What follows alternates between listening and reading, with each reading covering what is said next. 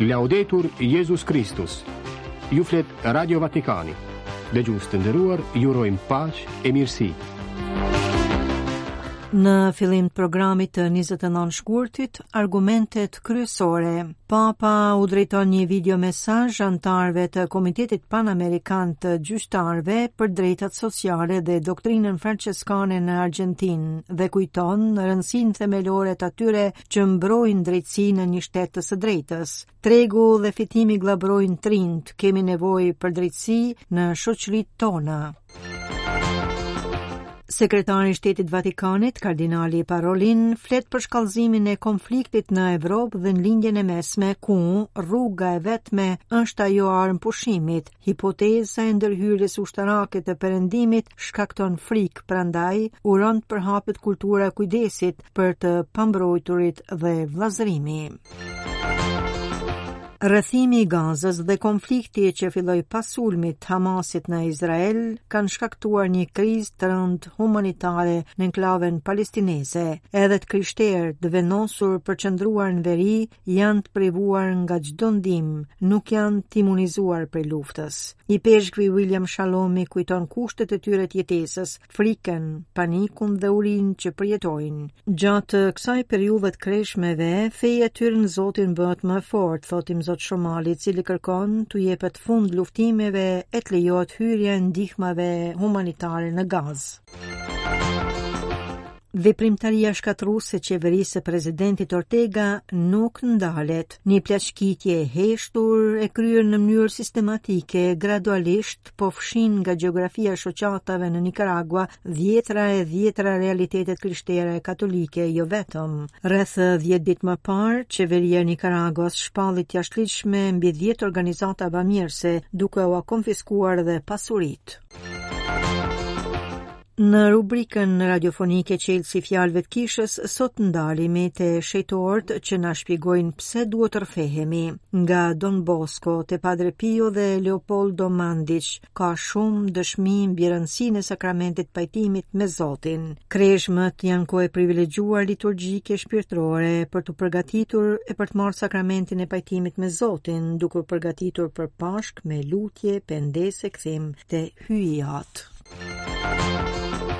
Lutja është frymëmarrja e misionit. Kjo tema e një kursi formimi misionar online përqendruar mbi lutjen që filloi sot më 29 shkurt, organizuar nga Unioni Papnor Misionar PUM dhe koordinuar nga sekretari i tij i përgjithshëm At Nhue Nguyen, i cili është edhe drejtori i Qendrës Ndërkombëtare për Animacion Misionar. Një përshëndetje të përzemërt të gjithë dëgjuesve të Radio Vatikanit, kudo që ndodhen nga redaksia gjuhën shqipe në mikrofon Don David Xhuxha e Katerina Nushi.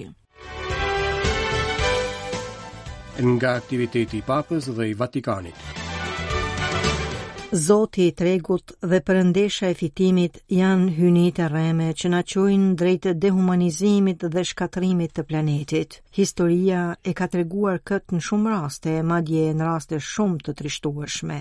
Unë jam një molok që gllabron brezat e sapolindur. Kështu pohon Papa Francesku në një video mesazh në spanjisht drejtuar anëtarëve të Komitetit Panamerikan të Gjyqtarëve për Drejtat Sociale dhe Doktrinën Franceskane në Argjentinë, me rastin e inaugurimit të selisë Buenos Airesit. La misión de los operadores judiciales, abogados, jueces, fiscales. Roli i ligjit dhe operatorëve të tij, avokat, gjyqtar, prokuror publik, mbrojtës është themelor dhe vendimtar, nënvizon Papa Francesku në video mesazh. Pushteti gjyqësor, pra, është mjeti i fundit që ka shteti për të korrigjuar shkeljet e drejtave dhe për të ruajtur ekuilibrin institucional e social. Në fakt, sot, Jemi në një botë me padrejtësi e pabarazi të thella sociale, në cilën miliona fëmijë çdo ditë hanë vetëm mbeturinat e atyre që konsumojnë. Los derechos sociales no son gratuitos. Të drejtat sociale nuk janë falas, nuk janë të lira. Pasuria për t'i mbështetur ato ekziston, por kërkon vendime politike adekuate, racionale dhe të drejta. Shteti, sot më rëndësishëm se kurrë, është i thirrur të ushtrojë këtë rol qendror të rishpërndarjes dhe drejtësisë sociale pohon Papa. Për Atin e Shenjtë nuk bëhet fjalë për rregulla tashmë ekzistuese, pra të pranishme, por për zbatimin e tyre efektiv. Këtu hyn në lojë roli i punonjësve të drejtësisë, e në këtë kuptim, kujton Papa, La palabra de Jesús que fundamenta la doctrina social de la Iglesia, Fjala e Jezusit mbi të cilën bazohet doktrina shoqërore e Kishës Katolike, është një udhë e sigurt dhe e ndritshme për të kontribuar në ushtrimin e gjyqësorit. Së fundi, për këdo që ka pushtet publik, nuk është i mjaftueshëm legjitimiteti origjinal nga i cili buron ai pushtet, por ushtrimi duhet të jetë gjithashtu legjitim, i cili nuk mund të distancohet nga ndërtimi i shoqërive të drejta dhe dinjitoze. Paqja është një ndërtim i përditshëm dhe ju jeni punëtorë të paqes, përfundon mesazhin e tij Papa Bergoglio, duke kërkuar qëndrueshmëri dhe vendim përballë modeleve çnjerëzore dhe të dhunshme.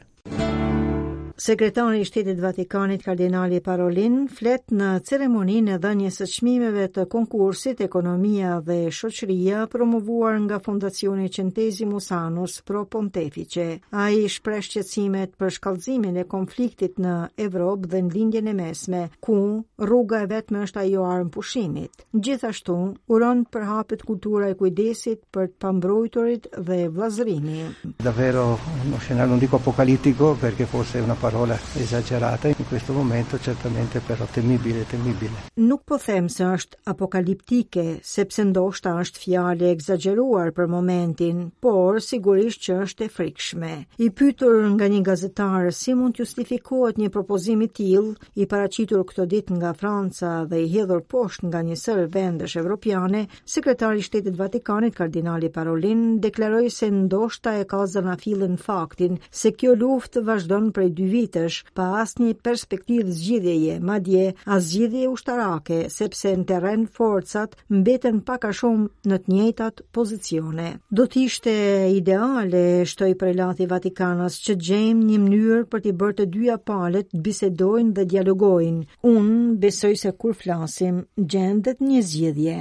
Kardinali Parolin preku edhe një sërë temash të tjera, si mbrojtja e më të brishtëve të shoqërisë, duke shkuar përtej fitimit me çdo kusht dhe rendimentit të kërkuar nga shoqëria e sotme teknologjike. Pastaj çështja e inteligjencës artificiale, e cila mund të ndikojë në krijimin e pabarazive të reja, e në marrjen e vendimeve të padrejta në fushën e punësimit, financimit, të asistencës shëndetësore, të arsimit, drejtësisë, migracionit dhe marrëdhënieve ndërkombëtare. Sekretari i Shtetit të Vatikanit uroi të ndryshojnë strukturat ekonomike që sjellin varfëri, duke favorizuar solidaritetin ndërkombëtar, për shembull, duke reduktuar borxhin e vendeve në nevojë. Një plaçkitje e heshtur, kryer në mënyrë sistematike e cila gradualisht po fshin nga gjeografia e shoqatave të Nikaraguas dhjetra e dhjetra realitete të krishtera katolike e jo vetëm. Rreth 10 ditë më parë qeveria e Nikaraguas shpalli të paligjshme mbi 10 organizata humanitare bamirëse duke ua konfiskuar edhe pasuritë. ndërmjet tyre Scouts dhe Fraternidad Misioneras del Fiat de Maria. Pardje, një sulm i ri ndaloi 10 subjekte të tjera duke përfshirë fondacione e shoqata kishtare fetare, ndërmjet të cilave një katolike edhe universitete e organizata joqeveritare. Vendimi i Ministrisë së Brendshme të Nikaraguas erdhi përmes një dekreti që anulon personalitetin juridik të shoqatave jofitimprurëse, Akuza i ngjet krejtësisht herëve të tjera në të kaluarën e afërt, shkelje dhe parregullsi në paraqitjen e bilanceve. Këto janë veprimtari të përsëritura të qeverisë Ortega kundër organizatave fetare e kundër Kishës Katolike në vend. Ndalimi i luftës është mënyra më e sigurt për të çuar më shumë kamionë me ushqime në Gazë, e kjo është gjëja më e rëndësishme.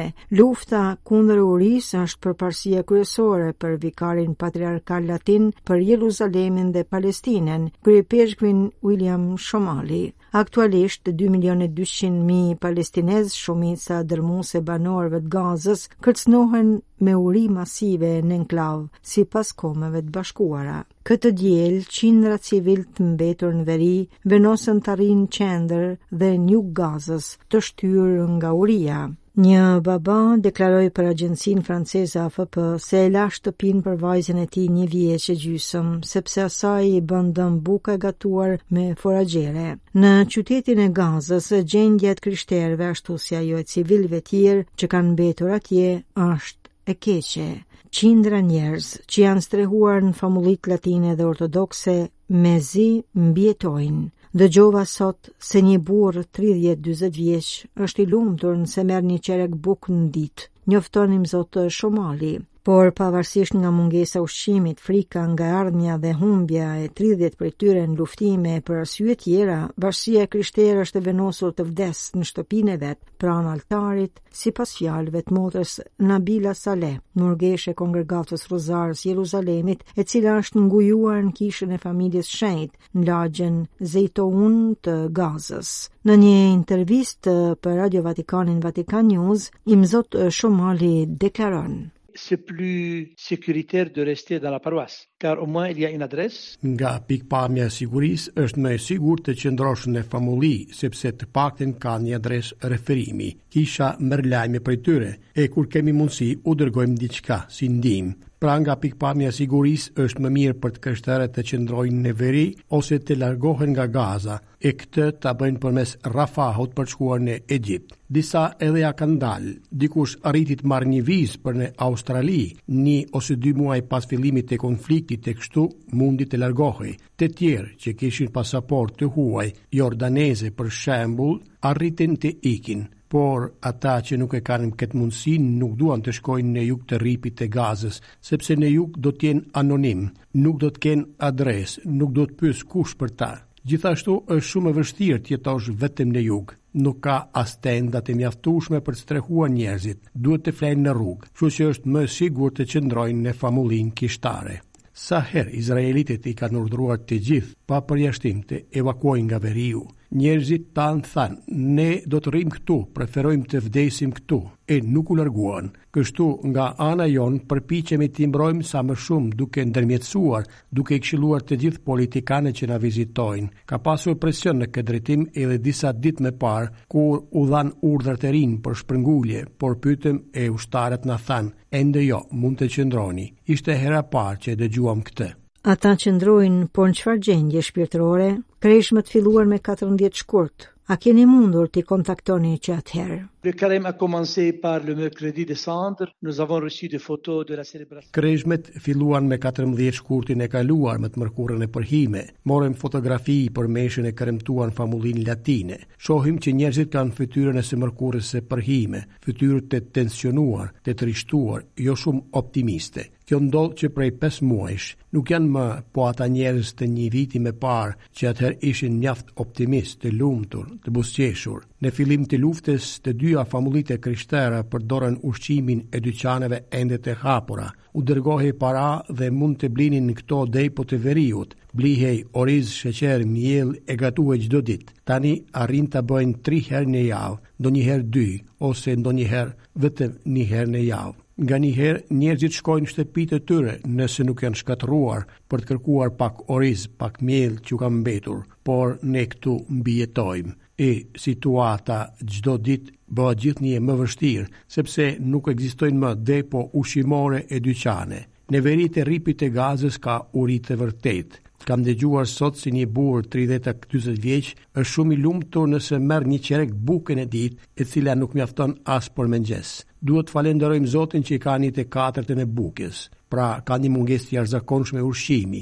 Ai nuk mjafton as për të pasur forcë dhe imunitet kundër sëmundjeve. Kemi nevojë për më se pesëqind kamionë me ndihma në ditë, por vijnë vetëm njëqind apo dyqind kamionë për dy milionë njerëz të uritur. Rruga kryesore që lidh veriun me jugun është bombarduar disa herë, duke e bërë shumë të rrezikshme, madje të pamundur, çuarjen e kamionëve në veri me ndihma. Çelësi i fjalëve të kishës.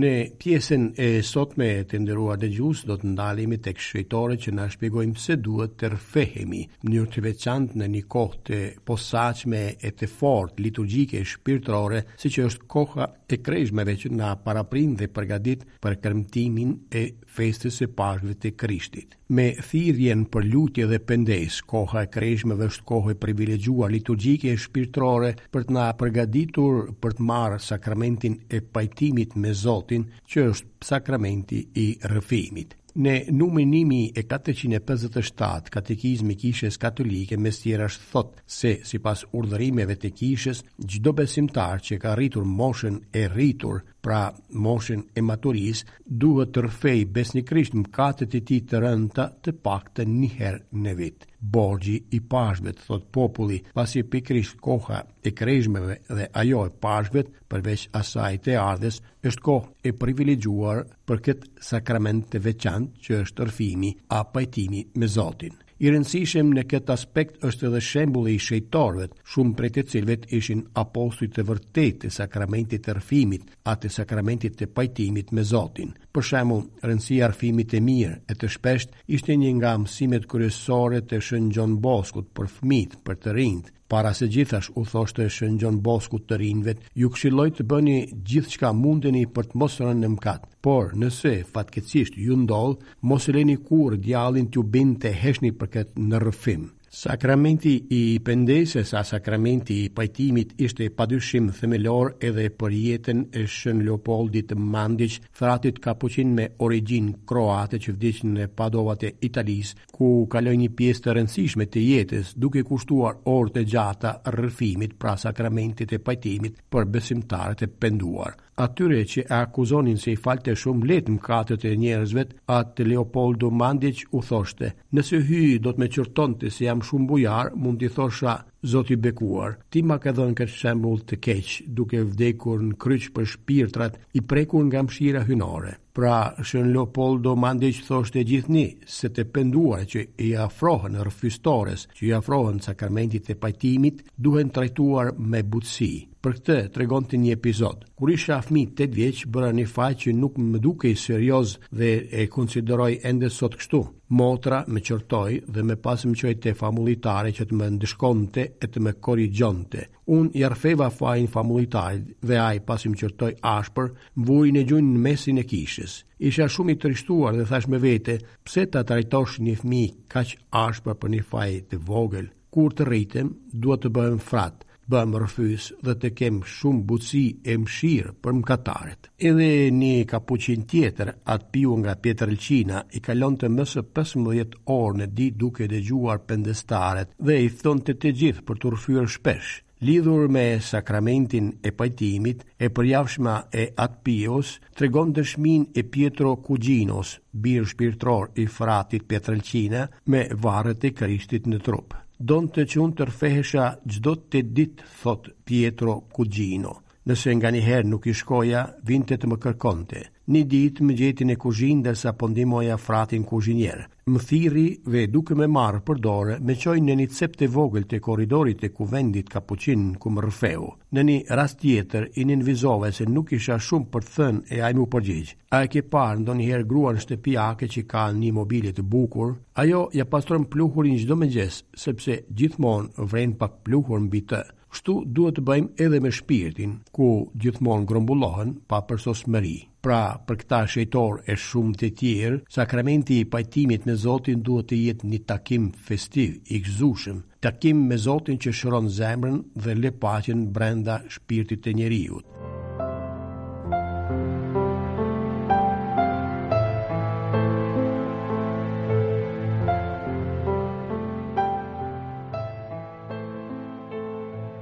Dëgjuat Radio Vatikanin në gjuhën shqipe.